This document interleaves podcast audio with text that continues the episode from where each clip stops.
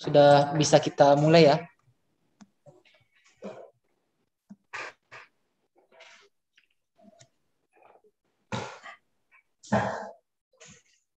Padahal sudah bisa dimulai. Sudah, sudah. Mungkin dimulai aja. Oke, siap. Baik, terima kasih. Bismillahirrahmanirrahim. Assalamualaikum warahmatullahi wabarakatuh. Waalaikumsalam warahmatullahi wabarakatuh.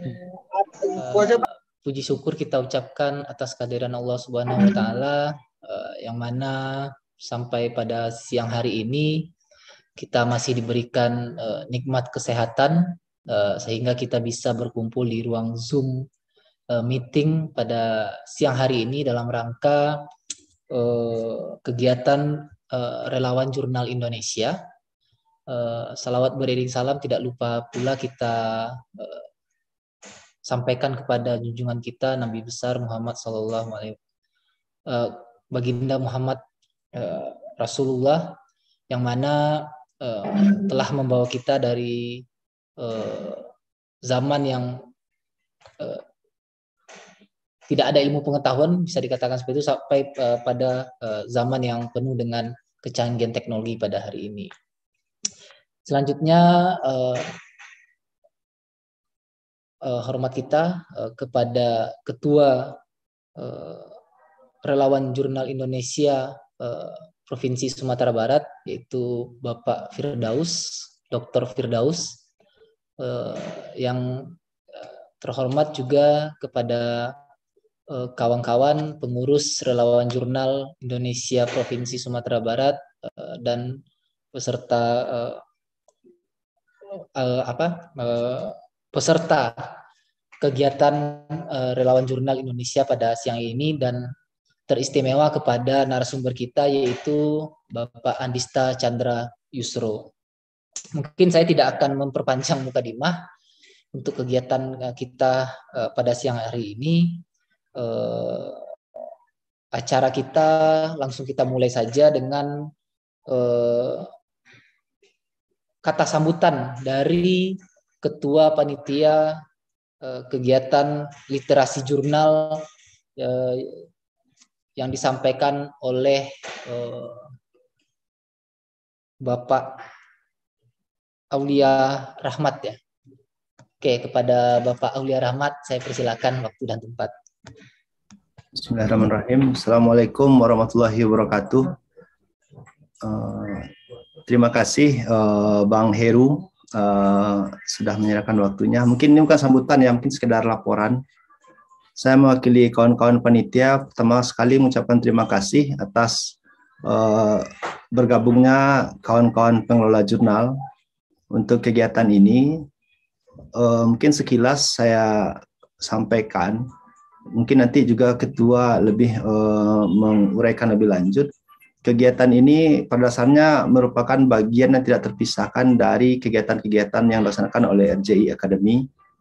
Jadi nanti kegiatan ini itu ada semacam nilai JP-nya atau jam pertemuannya yang nanti uh, mungkin dari kawan-kawan pengelola jurnal ingin uh, ikut bergabung sebagai fasilitator di RJI nanti ini bisa menjadi salah satu syarat yang harus dipenuhi nanti untuk ikut uh, seleksi sebagai fasilitator dan lain sebagainya.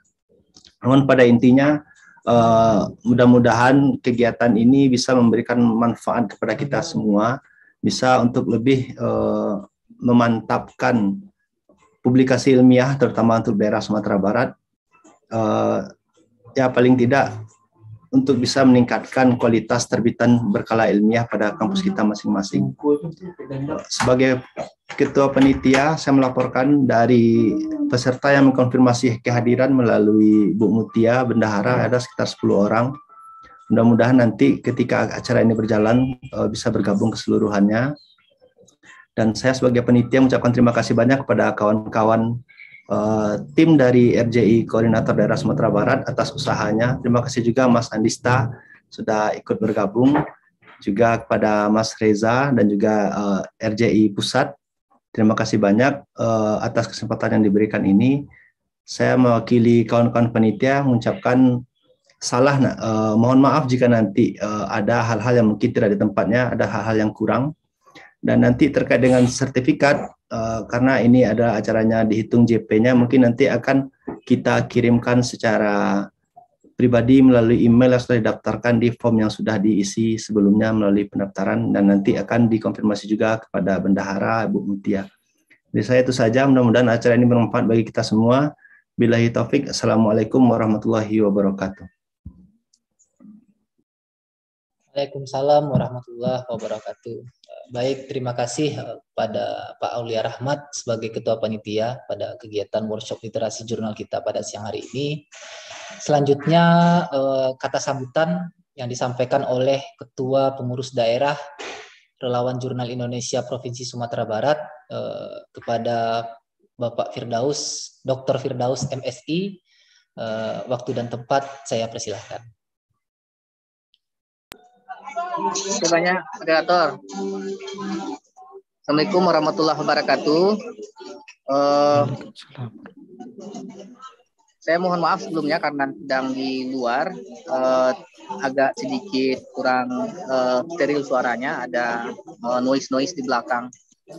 Uh, puji dan syukur kepada Allah Subhanahu Wa Taala. Salawat dan salam kepada Nabi Muhammad SAW uh, makasih banyak Bapak dan Ibu yang sudah uh, bergabung dalam kegiatan ini Makasih banyak Pak Yusro uh, sudah berkenan uh, berbagi dalam kegiatan literasi yang dilaksanakan oleh pengurus daerah uh, di Sumatera Barat uh, kegiatan ini sebenarnya adalah uh, rangkaian dari kegiatan literasi jurnal yang dilaksanakan oleh uh, pengurus pusat relawan jurnal Indonesia dan pelaksanaannya dilakukan oleh pengurus daerah. Nah, harapannya adalah bahwa uh, dalam beberapa waktu ke depan uh, ada proses uh, literasi yang dilakukan terkait dengan uh, publikasi ilmiah. Nah, untuk uh, saat ini kita sedang berfokus pada uh, topik uh, artikel metadata karena dalam uh, beberapa praktek yang uh, kita alami sebagai pengelola jurnal uh, masih banyak uh, penulis yang kadang-kadang uh, masih uh, belum uh, familiar dan bahkan belum begitu clear dalam uh, menulis uh, artikel metadata. Karena juga ada uh, pemahaman yang belum begitu uh, sempurna terhadap apa yang disebut dengan artikel metadata dan juga uh, artikel uh, full text Nah, untuk itu eh, kita berharap uh, kegiatan hari ini memberikan pemahaman yang lebih baik uh, kepada kita bersama uh, untuk membedakan antara artikel metadata dengan uh, full text. Nah, uh, kegiatan ini juga bagian dari uh, RJI Academy yang uh, tutornya adalah uh, anggota RJI yang uh, merumuskan dan menyusun uh, silabus dan juga materi untuk uh, kegiatan literasi jurnal ini. Nanti barangkali Pak Yusro juga akan uh, memberikan informasi terkait dengan RJI Academy ini sebagai bagian uh, dari tutor uh, eh, RJI Academy. Uh, saya sebagai pengurus mewakili teman-teman pengurus uh, daerah relawan jurnal Indonesia uh, mengucapkan selamat mengikuti kegiatan ini. Mudah-mudahan kegiatan ini bermanfaat untuk kita bersama. Uh, mohon maaf jika ada hal-hal yang kurang berkenan uh, dalam pelaksanaan kegiatan ini. Dan terima kasih banyak sekali kepada panitia dan juga Pak Yusro yang sudah berkenan hadir. Saya kira demikian, uh, saya sudahi dengan uh, Assalamualaikum warahmatullahi wabarakatuh. Waalaikumsalam warahmatullahi wabarakatuh. Waalaikumsalam warahmatullahi wabarakatuh. Terima kasih uh, kita kita ucapkan kepada uh, daerah dalam Jurnal Indonesia Provinsi Sumatera Barat uh, tanpa memperpanjang muka dimah uh, kita masuk langsung kepada inti acara kita yaitu workshop literasi jurnal yang diadakan oleh pengurus daerah Provinsi Sumatera Barat, Relawan Jurnal Indonesia, Provinsi Sumatera Barat, dengan tema artikel metadata, yang mana narasumber kita pada hari ini yaitu Mas Andista Chandra Yusro. Nah, waktu dan tempat eh, saya persilakan ke Mas Andista untuk memberikan eh, materi-materi eh, tentang eh, workshop artikel metadata ini. Kepada Mas Andista, saya persilakan. Terima kasih Pak Heru. Eh, bismillahirrahmanirrahim. Assalamualaikum warahmatullahi wabarakatuh. Salam sejahtera bagi kita semua. Salam sehat selalu. Semoga Allah Subhanahu wa taala Tuhan semesta alam senantiasa memberikan nikmat sehat keselamatan bagi kita semuanya. Allahumma amin. eh, teman-teman uh, sekalian, sesuai dengan apa yang memang sudah dijadwalkan dan diagendakan oleh pengurus Pusat Relawan Jurnal Indonesia berkaitan dengan kegiatan hari ini literasi jurnal, maka uh, hari ini kita akan berdiskusi bersama-sama, kita akan sampaikan terkait dengan metadata artikel atau artikel metadata. Uh, suara saya terdengar jelas ya?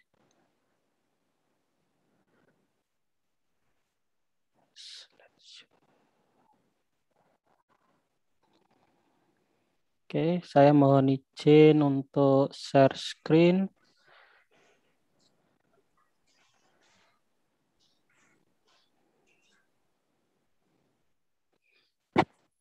Oke. Tampil Pak Heru share screen saya.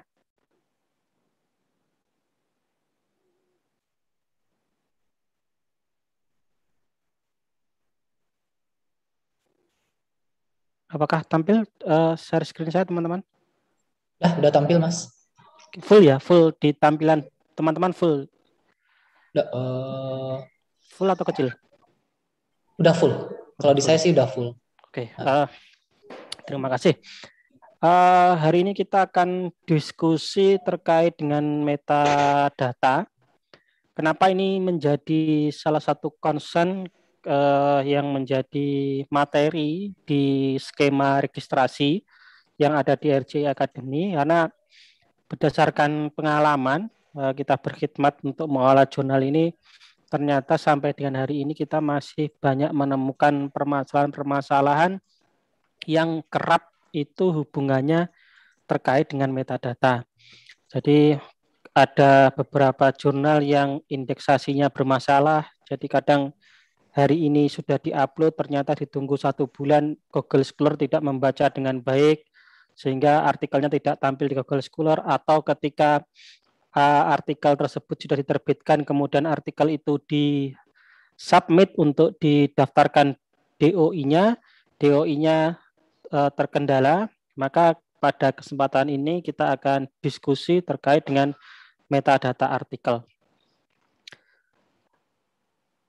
Jika teman-teman uh, pengelola jurnal familiar dengan artikel teks, maka sebetulnya faktor penunjang artikel teks itu sendiri atau artikel yang diproduksi dan diterbitkan di jurnal yang kita kelola itu adalah metadatanya. Nah, kemudian yang sering juga menjadi pertanyaan adalah siapa sih sebetulnya yang memiliki tanggung jawab atau siapa person yang bertanggung jawab terhadap artikel metadata pada konsepnya adalah artikel metadata itu pertama kali akan diinput atau diunggah oleh teman-teman penulis. Jadi saat teman-teman penulis mengirimkan naskah ke kita, pengolah jurnal melalui submission di OJS, itu mereka sudah mengisikan atau mengupload metadata. Karena tapi eh, beberapa metadata, beberapa metadata yang sifatnya itu tidak wajib, jadi uh, biasanya di OJS itu ada tanda bintang untuk menunjukkan metadata itu wajib diisi. Itu ada beberapa mereka yang abai. Bahkan uh, kelalaian itu uh, cenderung terjadi karena begitu mereka tidak mengisikan tahapan selanjutnya dapat dilakukan.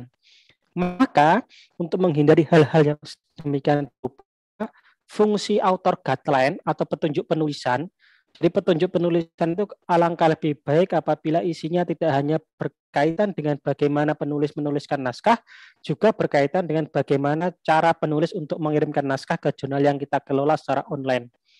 Nah, di tahapan itu, di policy author guideline, teman-teman pengolah jurnal bisa menambahkan secara rinci terkait dengan eh, apa-apa saja metadata yang sebaiknya diisi. Sebaiknya diisi kenapa? Karena ada memang beberapa metadata itu sifatnya tidak wajib. Jadi ada beberapa metadata itu sifatnya tidak wajib. Contoh ke yang mungkin teman-teman sudah familiar terkait dengan afiliasi. Jadi untuk pengisian afiliasi di OJS itu sampai dengan hari ini, mulai dari OJS 2 sampai dengan OJS 3.2, itu belum ada kewajiban, jadi tidak dibintang. Akan tetapi data afiliasi itu sangat penting. Jadi karena di artikel teksnya mungkin sudah tertuliskan, maka alangkah lebih baik bahwa e, data tersebut di metadata juga tertuliskan dengan baik. Nah, tahapan kapan uh, editor itu harus benar-benar concern, harus benar-benar fix, harus benar-benar memastikan clean and clear metadata artikel itu sudah sesuai dengan artikel metadata atau sudah sesuai dengan kenyataannya itu dilakukan saat tahapan naskah itu masuk kepada copy edit. Walaupun secara izin Mas Andista sebentar. Yeah. Gimana oh, Pak? Ya, ini request uh, bahwa ada yang mengatakan bahwa slide-nya belum full. Slide-nya belum full. Oke, okay, slide-nya. Nah, udah full ya. Bentar.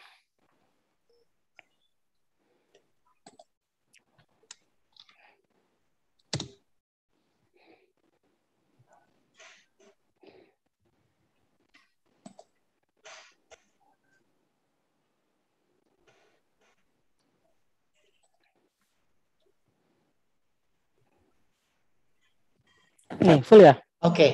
Oke, okay. sip. Oke. Okay. Uh, kita kembali kepada uh, tahapan di mana kita harus cek dan recheck terkait dengan naskah dan metadata adalah pada tahapan copy edit. Walaupun pada prakteknya eh, OCS ini kan hanya sistem ya, sistem yang dia mengakomodir apa saja yang kita butuhkan. Kita masih dapat mengganti metadata itu pasca artikel terbit, tapi uh, actually kegiatan tersebut tidak direkomendasikan. Jadi perubahan-perubahan yang dilakukan uh, pasca naskah itu diterbitkan usahakan tidak terjadi. Maka sebagai editorial atau dewan editor yang bertugas di naskah yang akan diterbitkan, maka di tahapan copy editing itulah tahap di mana kita melakukan cross check seluruh isian metadata yang telah diisikan oleh penulis. Kenapa Pak harus dicek dan recheck, dipastikan semuanya clear? Karena ada beberapa metadata ketika proses review ada peluang itu berubah. Ada peluang perubahan data dan lain sebagainya. Maka itu di tahapan copy edit sebaiknya kita lakukan terakhir kali uh, proses finalisasi terkait dengan metadata dan kita tetap minta konfirmasi kepada penulis untuk melihat ulang metadata yang telah kita sepakati bersama. Jadi penanggung jawab metadata selain penulis juga menjadi tugas utama dari editor. Jadi tim editorial memastikan artikel metadatanya sesuai dan penulis juga memastikan bahwa seluruh data yang diisikan itu sudah sesuai dengan apa yang diharapkan oleh penulis. Karena sering dijumpai misal eh, khususnya yang sering terjadi itu nama, penulisan afiliasi, itu kadang-kadang ketika sudah diterbitkan minta perubahan dan lain sebagainya. Maka di tahapan copy editing naskah itu seharusnya kita bersama-sama dari tim editorial maupun dari penulis melakukan konfirmasi. Konfirmasi apakah benar sudah sesuai atau belum. Nah, Uh, pada kesempatan ini karena ya ini tidak dibatasi di OJS 2 maupun OJS 3 maka kita nanti akan coba diskusikan ada dua platform yang ada OJS 2 dan ada OJS 3. Pada OJS 2, pada OJS 2 ini workflow-nya editor ya, workflow editor. Jadi teman-teman editorial atau teman-teman tim editor bisa melihat uh, atau bisa melakukan koreksi, uh, revisi, perbaikan itu ada pada dua tahapan. Yang pertama ada di summary, kemudian teman-teman bisa pilih menu di submission metadata, kemudian di edit metadata. Atau teman-teman yang saat ini pada fase editing, editing DOJS 2, teman-teman bisa melakukan review metadata di menu copy editing. Jadi di bawah copy edit instruction di situ ada review metadata. Maka arahnya nanti akan sama, akan mengecek uh, isian metadata apa saja yang sudah diisi oleh penulis dan kesesuaiannya dengan final teks yang akan kita terbitkan. Sedangkan di OJS 3.0 dan OJS 3.1, eh, teman-teman juga dapat melakukan edit metadata eh, di menu atau digunakan menggunakan akun editor, section editor atau copy editor. Kemudian teman-teman silakan pilih task atau task atau submission, kemudian pilih link copy edit. di sebelah kanan nanti akan muncul halaman bagian copy edit. Di situ kita bisa pilih metadata yang ada di atas. Jadi tahapan meta uh, review metadata juga bisa dilakukan di di di OJS 3 maupun di OJS 2. Sedangkan di OJS 3.2 dan 3.3 tahapan itu bisa dilakukan dengan tahapan yang sama ketika tadi di OJS 2 tadi di skip uh, di tahapan back issue. Jadi ketika isu itu akan dipublish, diterbitkan, teman-teman bisa pilih isunya, kemudian teman-teman uh, pilih artikelnya, kemudian diklik submission, di situ nanti ada bagian yang bisa kita edit, jadi ada di metadata.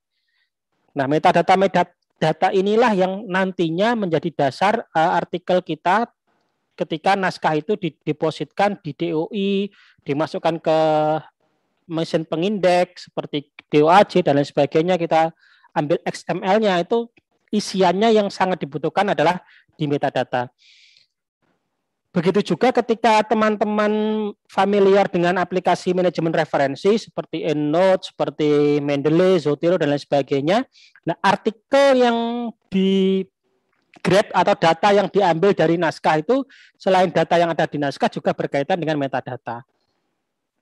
Nah, secara garis besar ada perbedaan struktur yang didapatkan di artikel metadata baik dari platform OJS 2 maupun platform OJS 3.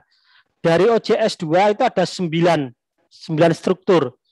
Yang pertama ada author atau penulis, yang kedua ada judul dan abstrak, yang ketiga ada cover, yang keempat ada indexing, yang kelima ada supporting agency, yang keenam ada DOI, yang ketujuh ada references, yang kedelapan ada display, dan yang terakhir ada permisi, permission. Sedangkan di OJS 3 itu ada title abstrak, sama seperti di OJS 2 juga ada. Kemudian istilah lain dari author di OJS 2 itu adalah kontributor pada OJS 3. Kemudian ada juga metadata, kemudian ada references, ada identifier, kemudian ada gale, kemudian selanjutnya ada permission, dan yang terakhir ada isu. Jadi ada perbedaan mendasar terkait dengan struktur metadata yang nantinya akan diisikan atau direview oleh editor di eh, baik di platform OJS 2 maupun di platform yang ada di OJS 3. Kita akan bahas dulu eh, terkait dengan apa yang ada di OJS 2. Uh, eh, karena nanti jadi yang teman-teman mengolah menggunakan OJS 3, setelah ini kita akan coba juga yang OJS 3 bagaimana. Di OJS 2 yang sub menu author, sub menu author tadi sudah disampaikan kan ada ada 9. Yang pertama adalah author atau penulis. Jadi di author atau penulis itu yang ditandai bintang, ada tanda bintangnya hanya ada pada first name, last name, dan email. Nah, apakah kemudian penulis hanya wajib mengisikan itu saja? Secara sistem, ya jawabannya. Secara sistem. Jadi sistem OJS 2 mengakomodir ketika teman-teman penulis mengisikan hanya first name, last name, email, itu mereka dapat next step. Jadi dapat melanjutkan ke tahapan selanjutnya. Nah, akan tetapi yang menjadi garis besar kita hari ini adalah bagaimana teman-teman penulis juga aware atau juga memiliki kepedulian terkait dengan isian metadata yang lain yang itu sangat e, berpengaruh atau sangat membantu kita sebagai pengelola jurnal. Contohnya apa? Selain selain yang ditanda bintang yang harus mereka isi atau dari penulis harus isi, membantu kita untuk mengisi. Yang pertama mungkin terkait dengan ORCID ID. Ya, ORCID ID. Di OJS 2, di OJS 2, teman-teman yang nanti memasukkan ORCID ID, eh, silahkan S-nya pada HTTP, ya HTTP yang ada di uh, alamat URL yang ada di web itu HTTP, biasanya di OJS ada S-nya, S-nya itu dihapus, dihilangkan. Sehingga nanti ketika disimpan di OJS 2 maka tidak mengalami error. Jadi tidak error karena OJS-nya dimasukkan. Jadi sebetulnya ORCID itu ketika dimasukkan tidak mengalami error tapi sering teman-teman, Pak, ketika saya tambahkan ORCID malah error, maka sudahlah saya tinggalkan saja ya. Silakan dilihat di bawah keterangan itu, maka contohnya adalah kat, huruf S-nya pada HTTPS itu bisa dihapus supaya uh, ORCID-nya tetap tersampaikan. Yang kedua, uh, terkait dengan URL. URL ini sebetulnya sangat membantu sekali. Selain ada bio statement di situ, ada uh, siapa sih penulis ini, apa apa saja yang dia kerjakan. Uh, kita bisa kita bisa memberikan advice kepada penulis untuk mengisikan uh, URL ini URL Google Scholar mungkin atau URL Sinta atau URL yang lain yang bisa menunjukkan bahwa kita sedang berurusan atau kita sedang berhubungan dengan uh, penulis di bidang ini yang sesuai. Jadi jangan-jangan yang kita hubungi ini atau yang berhubungan dengan kita ini orang lain. Jadi untuk menghindari ghostwriter dan lain sebagainya kita bisa memberikan advice kepada penulis untuk uh, mengisikan URL-nya, jadi URL audit, uh, URL Google Scholar, Sinta dan lain. Kemudian afiliasi. Nah, ini afiliasi. Sering kita jumpai bahwa penulisan afiliasi yang ada di metadata dengan penulisan afiliasi yang ada pada judul sirahan di halaman pertama artikel itu berbeda. Nah, maka dari itu sangat penting kepada para dewan editor untuk memberikan petunjuk yang jelas di author guideline afiliasi ini mau ditulis dari mana. Nah, itu maksudnya apakah di fakultas atau langsung diambil dari tingkat universitas atau perguruan tingginya. Jadi di situlah eh, ketika di situ sudah ada keputusan, maka isian afiliasi ini dengan isian metadata juga pasti akan sesuai. Nah, selain itu kita juga bisa memastikan atau mewajibkan eh, penulis untuk mengisikan negara. Nah, concern kita pada kesempatan hari ini adalah bagaimana Pak ketika kita memunculkan atau kita menemui kasus-kasus di mana penulis kita eh, namanya hanya satu suku kata. Jadi sampai dengan eh, hari ini saya masih sering menjumpai ketika ada penulisnya satu suku kata itu salah satunya karena itu kan sudah jelas tandanya bintang first name sama last name di OJS 2 salah satunya di strip. Nah, maka yang hari ini harus kita sepakati bahwa penulisan last name last name adalah penulisan yang wajib. Jadi tidak boleh ada singkatan di last name. Kenapa demikian? Karena selain berkaitan dengan eh, bagaimana artikel ini nanti diproduksi, juga akan berkaitan dengan mesin pengindeks, berkaitan dengan eh, mesin manajemen references. Jadi ketika kita melakukan kutipan atau kita ketika kita menuliskan daftar pustaka, itu yang sering dijadikan atau dibutuhkan menjadi query wajib atau isian wajib adalah last name. Maka ketika ada misal contoh di situ eh, namanya adalah Soekarno, Bagaimana kita menuliskan uh, autor dengan nama Soekarno? Pilihannya hanya ada dua. Jadi menulis nama Soekarno di first name dan last name, atau menulis nama Soekarno di last name, kemudian di first name-nya disingkat dengan huruf pertama kata Soekarno, nama Soekarno. Jadi hati-hati ketika nanti teman-teman tutorial menerima atau mendapatkan naskah, khususnya bagi para penulis yang alhamdulillah namanya hanya berasal dari satu suku kata. Kita harus pastikan bahwa penulisannya memang sudah sesuai. Nah, dua ini, dua pilihan ini sebaiknya kita konfirmasi kepada penulis. Berkaitan dengan apa? Dari awal penulis itu terbiasa menulisnya bagaimana? S Soekarno atau Soekarno Soekarno. Maka ketika eh, itu sudah sesuai dengan apa yang penulis-penulis lakukan di aktivitas-aktivitas sebelumnya, maka nanti mesin pengindeks akan ramah untuk mengirimkan artikel ini ke yang bersangkutan, ke profil yang bersangkutan.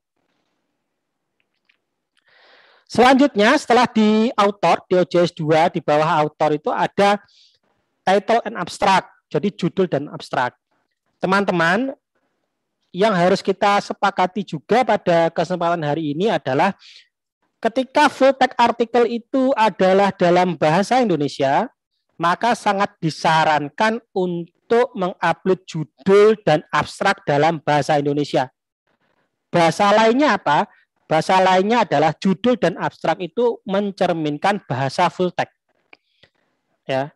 Bapak, bagaimana kalau ada dua dua judul dan dua abstrak dalam bahasa Indonesia dan bahasa Inggris? Ya biarkan judul dalam bahasa Inggris itu tetap melekat pada naskah, tapi metadata artikel yang kita tampilkan adalah metadata artikel sesuai dengan bahasa full text naskah. Nah, ini yang tadi saya sampaikan bahwa kita harus concern cek dan recheck berulang-ulang memastikan semuanya clean and clear. Kenapa demikian? Karena di tahapan ini, di tahapan edit uh, review sampai dengan tahapan editing sampai dengan naskah itu dikumpulkan atau diterbitkan oleh editor ada peluang perubahan. Jadi misal uh, ternyata rekomendasi dari dari reviewernya adalah judul masih sangat identik dengan judul penelitian, maka silakan penulis untuk uh, memformulasikan judul. Maka akan ada peluang perubahan judul dari full text yang ada di uh, hasil review dengan metadata yang diisikan oleh penulis di awal. Begitu juga dengan abstrak. Sangat mungkin perbedaan abstrak uh, terjadi perubahan abstrak dari abstrak yang dikirimkan submission metadata sampai ke tahapan final copy edit. Maka di tahapan itulah, di tahapan final copy edit itulah, kita harus memastikan final bahwa metadata yang kita inputkan di step ini sama dengan yang ada di full text artikel. Jadi perlu cek dan recheck memastikan eh, kesesuaian antara artikel metadata dengan artikel teks yang diterbitkan.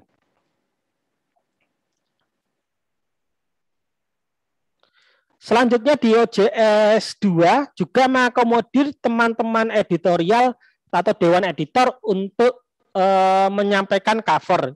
Jadi uh, maksudnya cover di sini saya pikir bukan bukan pada cover uh, isu tersebut, tapi lebih kepada highlight Eh, ketika kita mungkin lihat di beberapa jurnal internasional, di situ ketika ada artikel muncul, di situ juga ada gambar atau poster yang menjelaskan uh, bagian atau menjelaskan uh, gambaran dari isi artikel tersebut. Jadi cover yang dimaksud itu bukan cover bukan cover yang berkaitan dengan cover isu. Cover isu tempatnya ada di isu gale. Jadi bukan di artikel metadata. Kemudian selanjutnya terkait dengan indexing. Indexing itu isinya adalah terkait dengan keyword. Keyword sama seperti judul dan abstrak. Apabila eh, naskahnya dalam bahasa Indonesia, maka sangat disarankan bahwa keyword yang dimasukkan juga dalam bahasa Indonesia. Nah, eh, pesannya adalah teman-teman sekali lagi mungkin sudah berulang-ulang juga disampaikan bahwa dalam penulisan kata kunci atau keyword usahakan dipisahkannya tidak dengan menggunakan tanda koma. Ya. Teman-teman dapat memisahkannya dengan menggunakan semikolon atau titik koma. Kenapa demikian?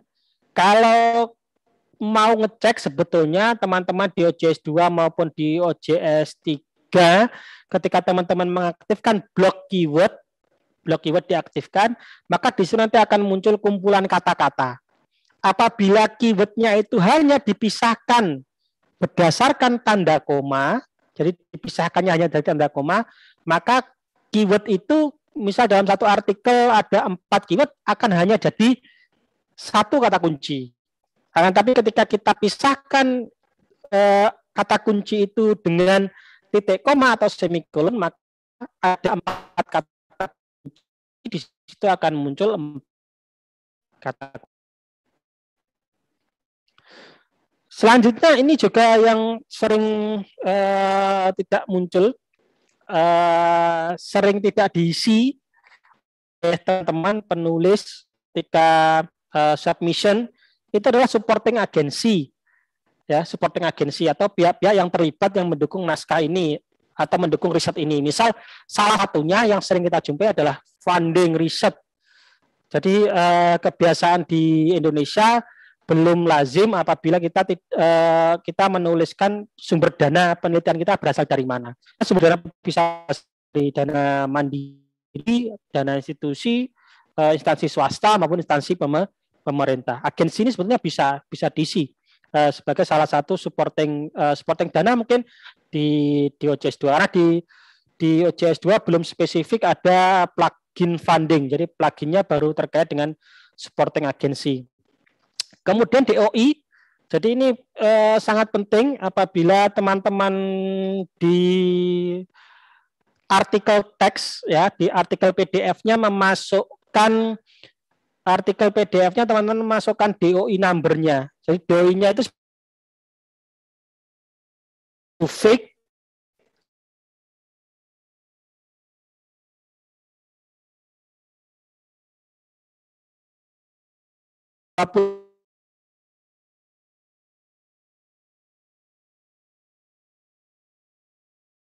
tunjukkan volume berapa isu ke, be, ke berapa.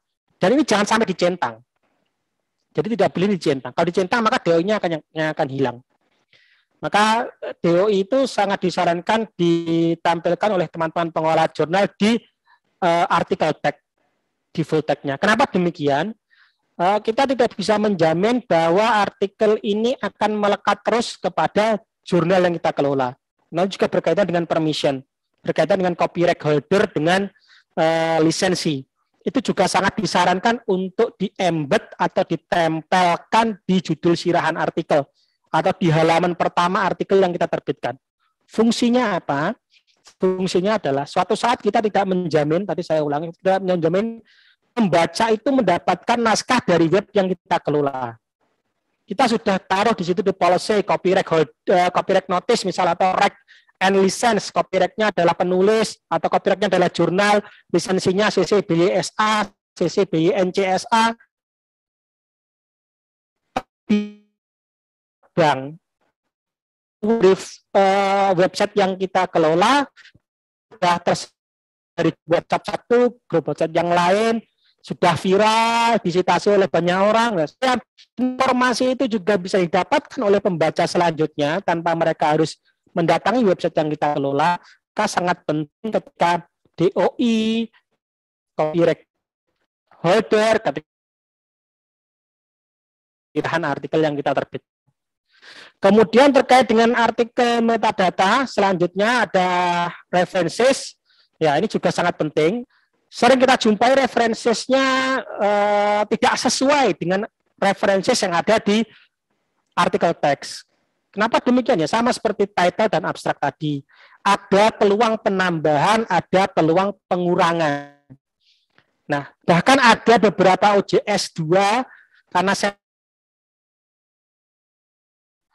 maka sarannya eh, referensi itu pastikan teman-teman sudah memunculkan dan pastikan ketika tahapan copy edit teman-teman juga sudah melihat kesesuaian antara artikel final yang sudah, sudah selesai di layout itu dengan uh, referensi yang dimasukkan oleh penulis di awal.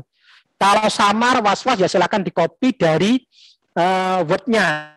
Jadi ngopinya dari file Word, final copy edit, di copy uh, referensi kemudian dimasukkan ke metadata. Jangan diambilkan dari file PDF-nya. Karena kalau diambil dari file PDF, biasanya yang sering terjadi adalah ketika di copy paste ke references, datanya uh, jadi tidak rapi harus mengurutkan reorder, jadi harus mengurutkan ulang.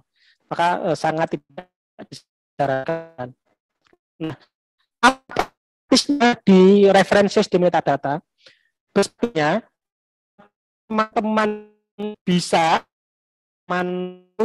teman-teman bisa membuat tambahan tini uh, semua sumber yang ada bisa dicas secara online. Kenapa demikian ya? Kita uh, hanya untuk mengantisipasi apakah benar sumber itu ada gitu ya. Sumber itu memang benar ada. Misal artikel itu ada. Bagaimana demikian ketika itu muncul buku buku yang tidak ada URL-nya ya silakan nanti bukunya. Itu kita membangun asas kecurigaan kepada penulis, tapi kita hanya berusaha untuk memastikan bahwa semua referensi yang dikutip eh, oleh penulis, semua referensi yang ada di artikel teks, semua referensi yang tampil di artikel metadata, di situ sumbernya jelas. Jadi memang benar-benar eh, ada ada barangnya gitu. Kemudian kita akan lanjut ke pembahasan terakhir di artikel metadata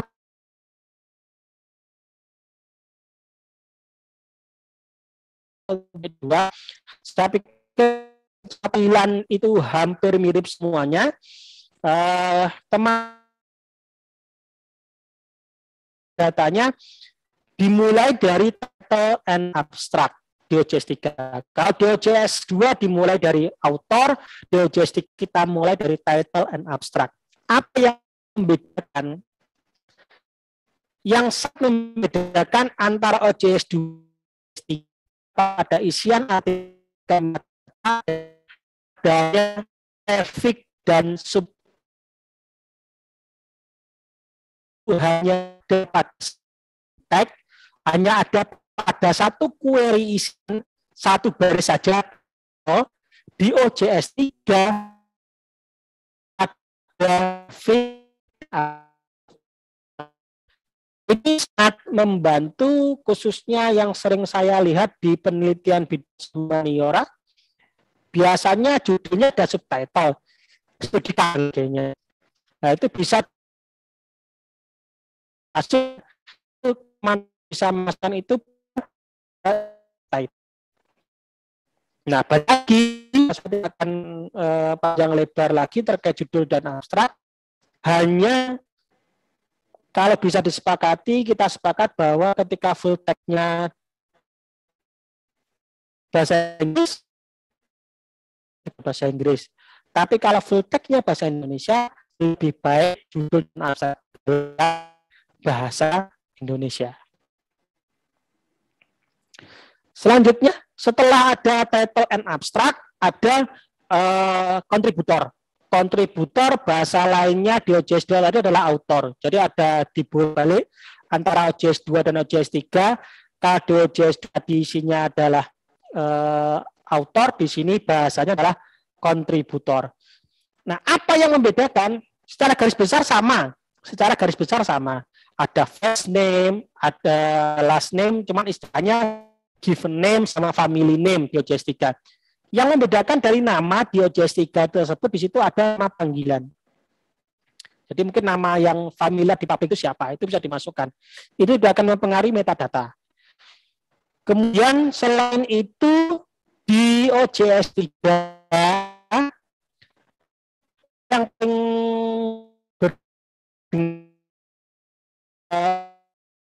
pilihan kontributor pilihan kontributor di situ ada pilihan author, ada pilihan translator.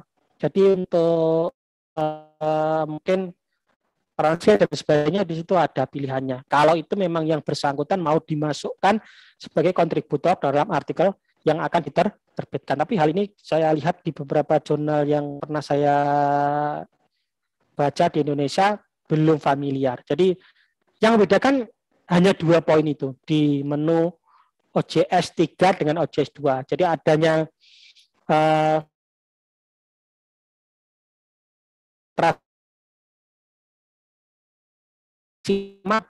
ada di OJS 2. Homepage URL juga sama, ORCID ID juga sama, afiliasi juga sama. Maka silakan di situ teman-teman nanti pengelola jurnal tulis di author guideline apa-apa saja yang harus diisi dan sama ya pastikan bagaimana menulis afiliasi di artikel PDF atau template artikelnya sama dengan mereka menuliskan di afiliasi metadatanya. Jadi eh, kalau dimulai dengan uh, nama kampus langsung nama silakan sepertinya. Tapi kalau dengan nama Mas jurusan atau nama departemen, nama program studi deh. atau fakultas ya silakan. Yang penting itu disesuaikan antara Yeah. Suaranya agak Jadi afiliasi Mas Anista. Jelas, Pak? Uh, kayaknya sinyalnya kurang bagus deh. Karena suaranya putus-putus dan uh, videonya Mas Andista nggak jalan nih relay. Saya ngasih tahu aja.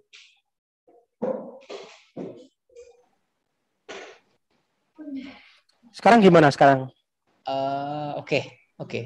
Tapi uh, ini videonya nggak gerak. Ya, Mas. Oke, karena ini ada yang yang chat ke saya bahwa suaranya terputus-putus sama di saya juga terputus-putus. Oke, silakan eh, uh, dilanjut. Yeah, terima kasih, terima kasih Pak Heru. Uh, jadi kita balik ke perbedaan di OJS 2 dan OJS 3 khususnya pada kontributor atau pada penulis yang sangat membedakan antara OJS 2 dan OJS 3 itu ada pada isian preferred public name. Di OJS 2 enggak ada. Di OJS 2 itu hanya ada first name, middle name, sama last name. Sedangkan di OJS 3 adanya gift name sama family name. Tambahnya adalah preferred public name. Itu yang membedakan. Yang membedakan lain adalah ada pada isian kontributor. Jika pada OJS 2 tidak ada pilihan kontributor sebagai apa? Adanya adalah yang bersangkutan apakah sebagai corresponding author atau tidak. Nah, kalau itu di OJS 3 pun ada corresponding author atau tidak, tapi yang jelas ada perbedaan adalah ada pilihan kontributor role. Jadi role kontributornya dia sebagai apa? Sebagai penulis atau sebagai translator. Nah, sebetulnya eh, itu mengakomodir apabila memang naskah itu eh, ditranslate. Tapi saya pikir eh, sampai dengan hari ini saya belum eh, menemukan oh, ada artikel yang mengisikan kontributor penulisnya hanya sekedar sebagai translator di artikel metadatanya. Selanjutnya, setelah ada judul, kontributor, kemudian ada metadata. Ya. Metadata ini hampir mirip dengan yang ada pada DOJS 2. Yang dibutuhkan adalah keyword. Ya, sekali lagi keyword tidak ditulis, tidak dipisahkan dengan koma, tapi dengan titik koma. Nah, Terkait dengan supporting agency, ini sama seperti di OJS 2 tadi. Uh, ini juga saya ulangi sekali lagi, belum familiar di tempat kita bahwa kita menuliskan bagian dari metadata ini foundingnya dari siapa. Uh, seingat saya di OJS 3 itu malah sudah ada disertakan plugin funding. Jadi pemberi dananya siapa itu ada ketika itu pluginnya terinstall mungkin di metadatanya juga uh, bisa muncul. Kemudian setelah kita bisa mengisikan metadata sesuai dengan eh, apa yang ada pada artikel teks, selanjutnya kita akan melihat referensinya. Ya, baik lagi referensinya sama. Uh, ada peluang perbedaan references dari submission metadata ke final text, maka eh, itu kita mohon tolong dipastikan di cross check, dicek dan recheck sehingga eh, isian yang ada pada metadata references sama dengan isian yang ada pada full text metadata. Selanjutnya DOI juga sama sebetulnya dengan yang ada di OJS 2 pada prinsipnya Cuman eh, di situ di Justika teman-teman bisa setting ya apakah mau menggunakan default patternnya atau menggunakan eh, modelnya sendiri atau punya punya ketentuan sendiri. Jadi yang jelas eh, urutan DO itu tetap prefix, suffix, kemudian volume, isu, kemudian eh, kode artikel itu yang eh, apa namanya familiar. Yang tidak familiar eh, ya bisa disesuaikan. Biasanya ada yang dibuang volumenya, ada yang dibuang eh, isunya. Jadi volume isunya hilang langsung kode kode artikel. Itu menyesuaikan kebutuhan atau menyesuaikan bagaimana platform yang diacu oleh teman-teman. Selanjutnya ada pada Gale dan permission di Gale itu di OJS 3 teman-teman bisa cek dan recheck uh, terkait dengan file PDF akhir yang akan diterbitkan. Sedangkan di permission itu bahasanya adalah sama seperti di OJS 2 copyright and license. Jadi siapa pemegang copyright-nya, siapa pemegang lisensinya.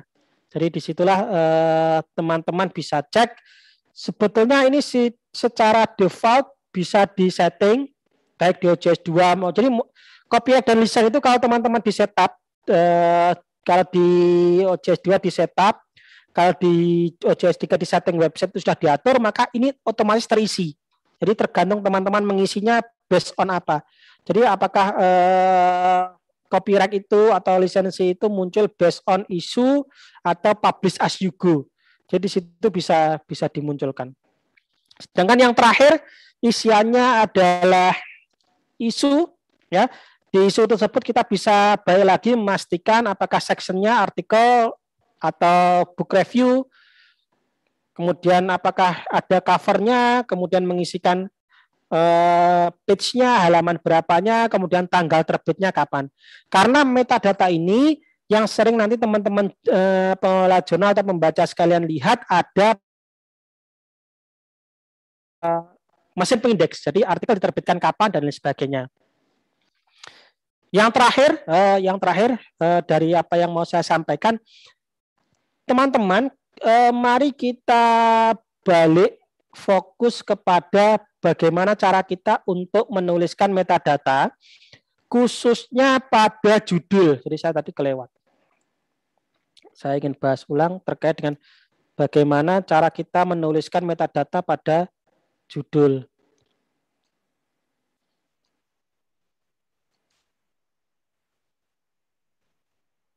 Nah, ini.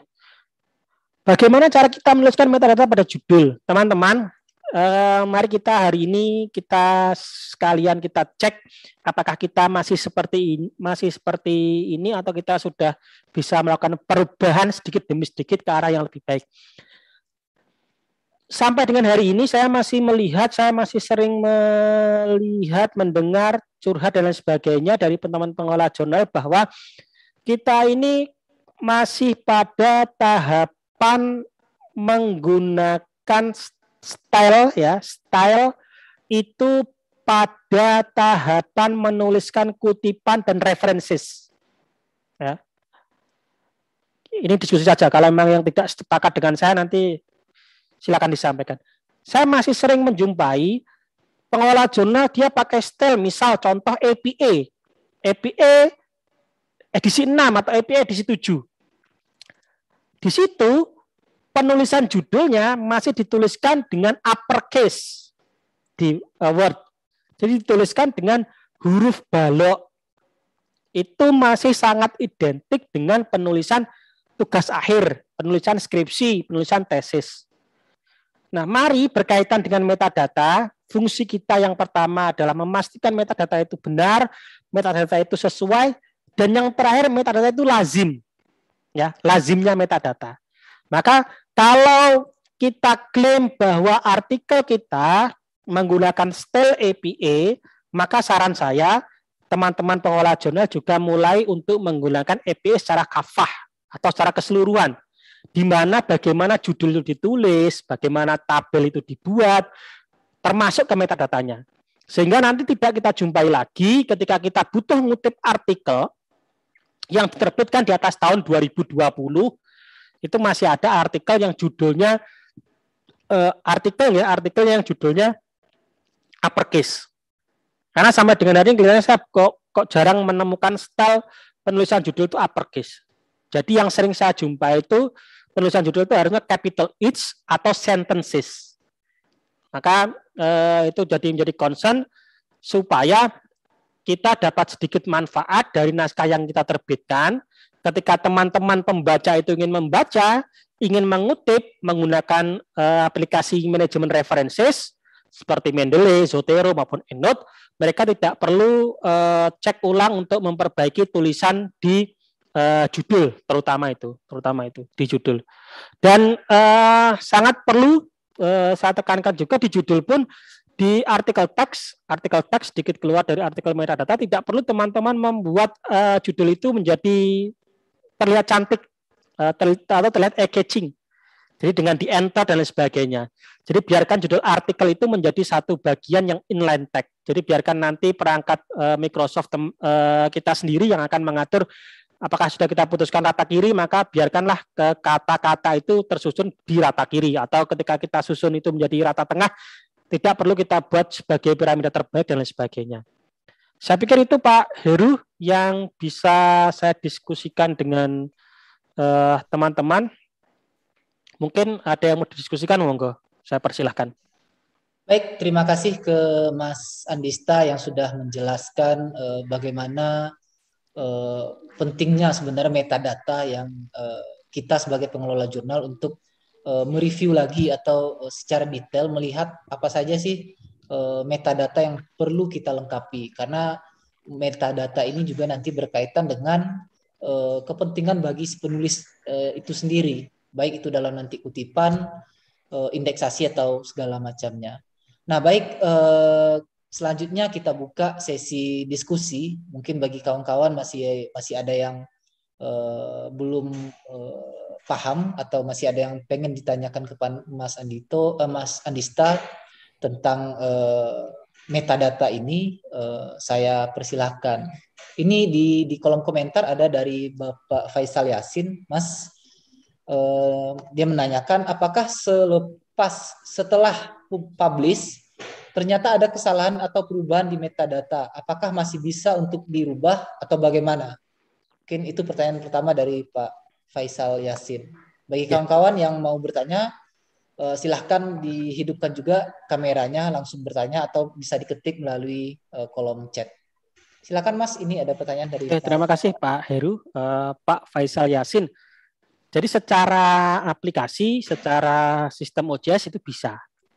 Nah, apakah setelah itu nanti akan mempengaruhi eh, kalau bisa dirubah bisa.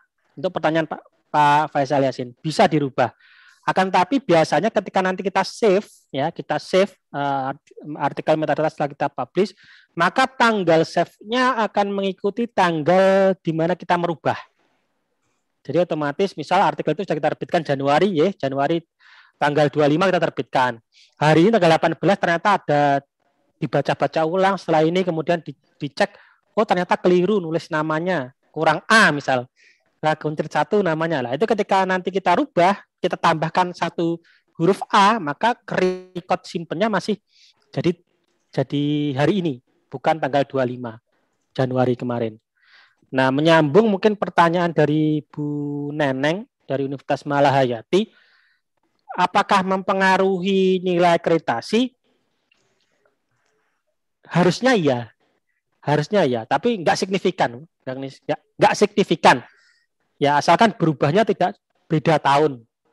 Ya tadi misal kasus kalau saya contohkan Januari dirubah Februari ya daripada informasi yang tidak sesuai kan mending dirubah. Tapi yang dirubah kan metadatanya bukan full text artikelnya. Jadi kalau full text eh, jangan. Jadi kalau tadi misal ada kekeliruan tipe penulisan metadata itu masih sering masih sering dijumpai eh, di metadata Nah, nanti ngaruhnya di poin mana? Di poin apakah jurnal itu diterbitkan tepat waktu atau tidak. Hanya satu poin itu saja. Karena di situ nanti record tanggalnya akan merubah record published isunya. Jadi tanggalnya akan berubah ke save, uh, save-nya tanggalnya tanggal hari ini.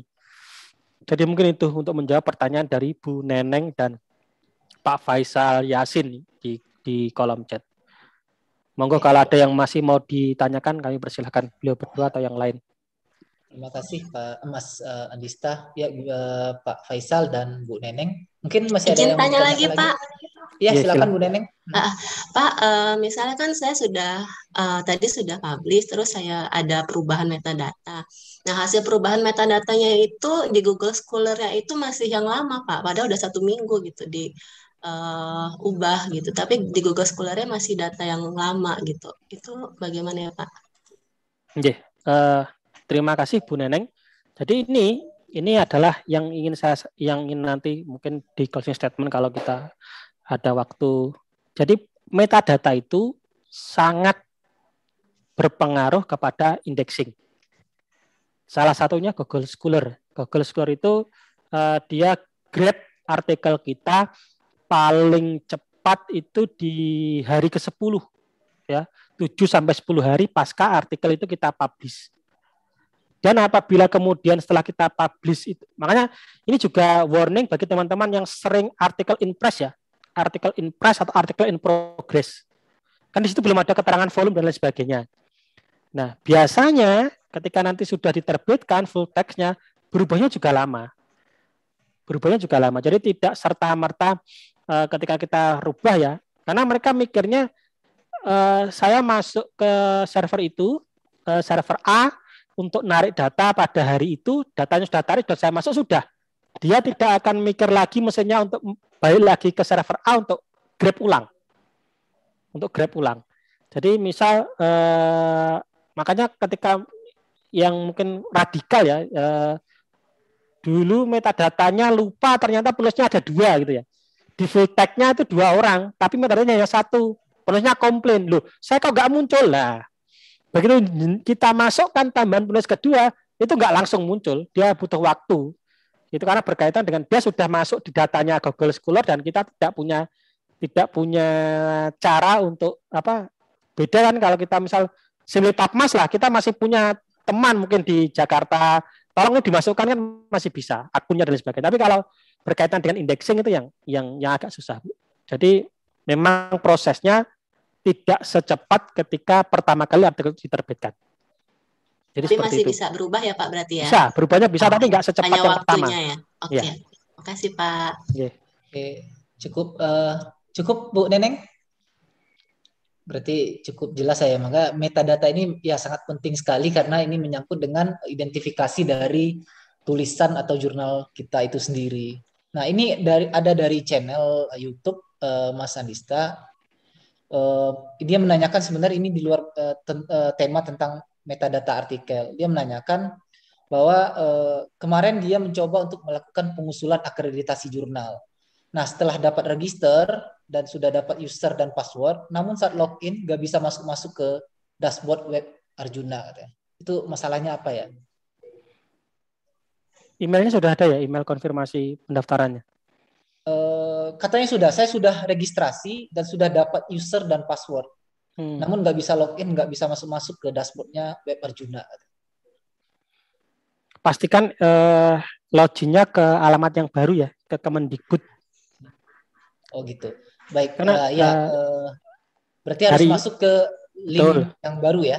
Hari ini kan ada dua ya, hari ini ada dua. Okay. Jadi teman-teman itu pastikan daftarnya ke Kemendikbud ya okay. pendaftaran Kemendikbud. Kalau login di Kemendikbud nggak bisa, kalau login di Kemendikbud nggak bisa, pakai URL pad-nya Ristek Brin. Jadi Arjuna atau Ristek Brin slash login di situ nanti coba diloginkan. Kalau nanti berhasil akan direct ke Kemendikbud. Ya memang ya kita kan baru dimigrasi pergantian dari menteri A ke menteri B dari uh, Ristek ke Dikbud, jadi ya, ya wajar lah hal seperti itu kita jumpai. Ya, Ada seperti itu. Migrasi migrasi ya. web. Betul. Oke. Baik, ada lagi mungkin dari kawan-kawan yang mau ditanyakan uh, terkait dengan uh, tema workshop kita hari ini.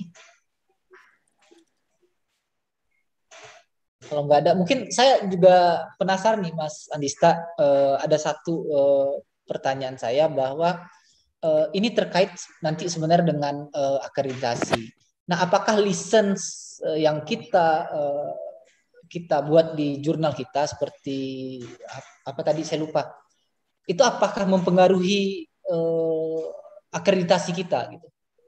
Uh, misalnya share 4.0 atau yang hmm, ya ya. Lisensi nah, ya? Iya, lisensinya. -uh. Itu lisensi sebaiknya seperti apa gitu? Sebetulnya lisensi nanti itu di skema registrasi itu ada. Jadi nanti ada uh, materi kalau nggak salah materinya adalah copyright and license. Ya, copyright, ya, and, copyright license. and license. Ya. ya, jadi ada materinya nanti kalau nggak salah timnya ada Pak Muhammad Ratodi sama Pak Eko Pramudya Laksana satunya saya lupa.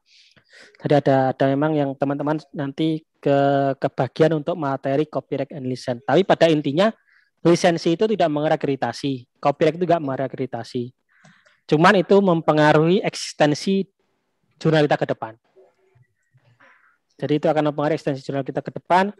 Hari ini kan kita sudah beralih dari paradigma mengolah jurnal secara cetak, beralih ke paradigma mengolah jurnal secara online.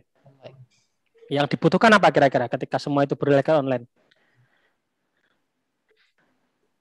Oh iya ini ada nih Pak Aulia Rahmat, timnya Pak apa timnya Pak Ratodi yang untuk hmm. apa rek and listen. Ya nanti nanti tugasnya Pak Aulia Rahmat. Tapi intinya adalah intinya bahwa eh, profesional look yang kita butuhkan. Profesional look itu bagaimana? bagaimana informasi yang sudah kita tetapkan, misal hari ini ya teman-teman dipilih sebagai editorial, kan nggak selama jadi editor ya. Jadi misalnya naik pangkat jadi dekan, jadi wakil rektor, jadi rektoran, mungkin sudah pensiun ngelola jurnalnya. Maka harapannya polisi-polisi yang diputuskan di awal itu jurnal berdiri itu next berlanjut. Jadi tidak lagi nanti ketika ganti pengelola ganti polisi lagi. Hanya balik ke nol lagi, balik ke nol lagi, balik ke nol lagi. Maka eh, pastikan eh, copyright dan lisensi itu menjadi satu hal yang bisa disepakati secara secara internal di tim pengelola jurnal atau di tingkat perguruan tingginya, tingkat penerbit. Sehingga nanti ketika masing-masing sudah beralih, ya mungkin nanti satu saat Pak Heru diangkat ke kementerian jadi staf ahli kan sudah nggak mungkin pegang zona lagi. Nah, jadi hal seperti itu sangat mungkin. Makanya eh, kebijakannya pastikan firm di awal. Tapi nggak mempengaruhi Pak akreditasi. Belum ada poinnya. Itu nanti pengaruhnya pada aplikasi DOAJ sebetulnya. Oh iya. Oh iya, saya baru ingat ke, ke saya pernah ditolak di DOAJ karena uh, alasannya salah satu adalah lisensi lisensinya itu. Ya. Oke. Baik, kalau silakan pada kawan-kawan yang lain kalau masih ada yang mau ditanyakan.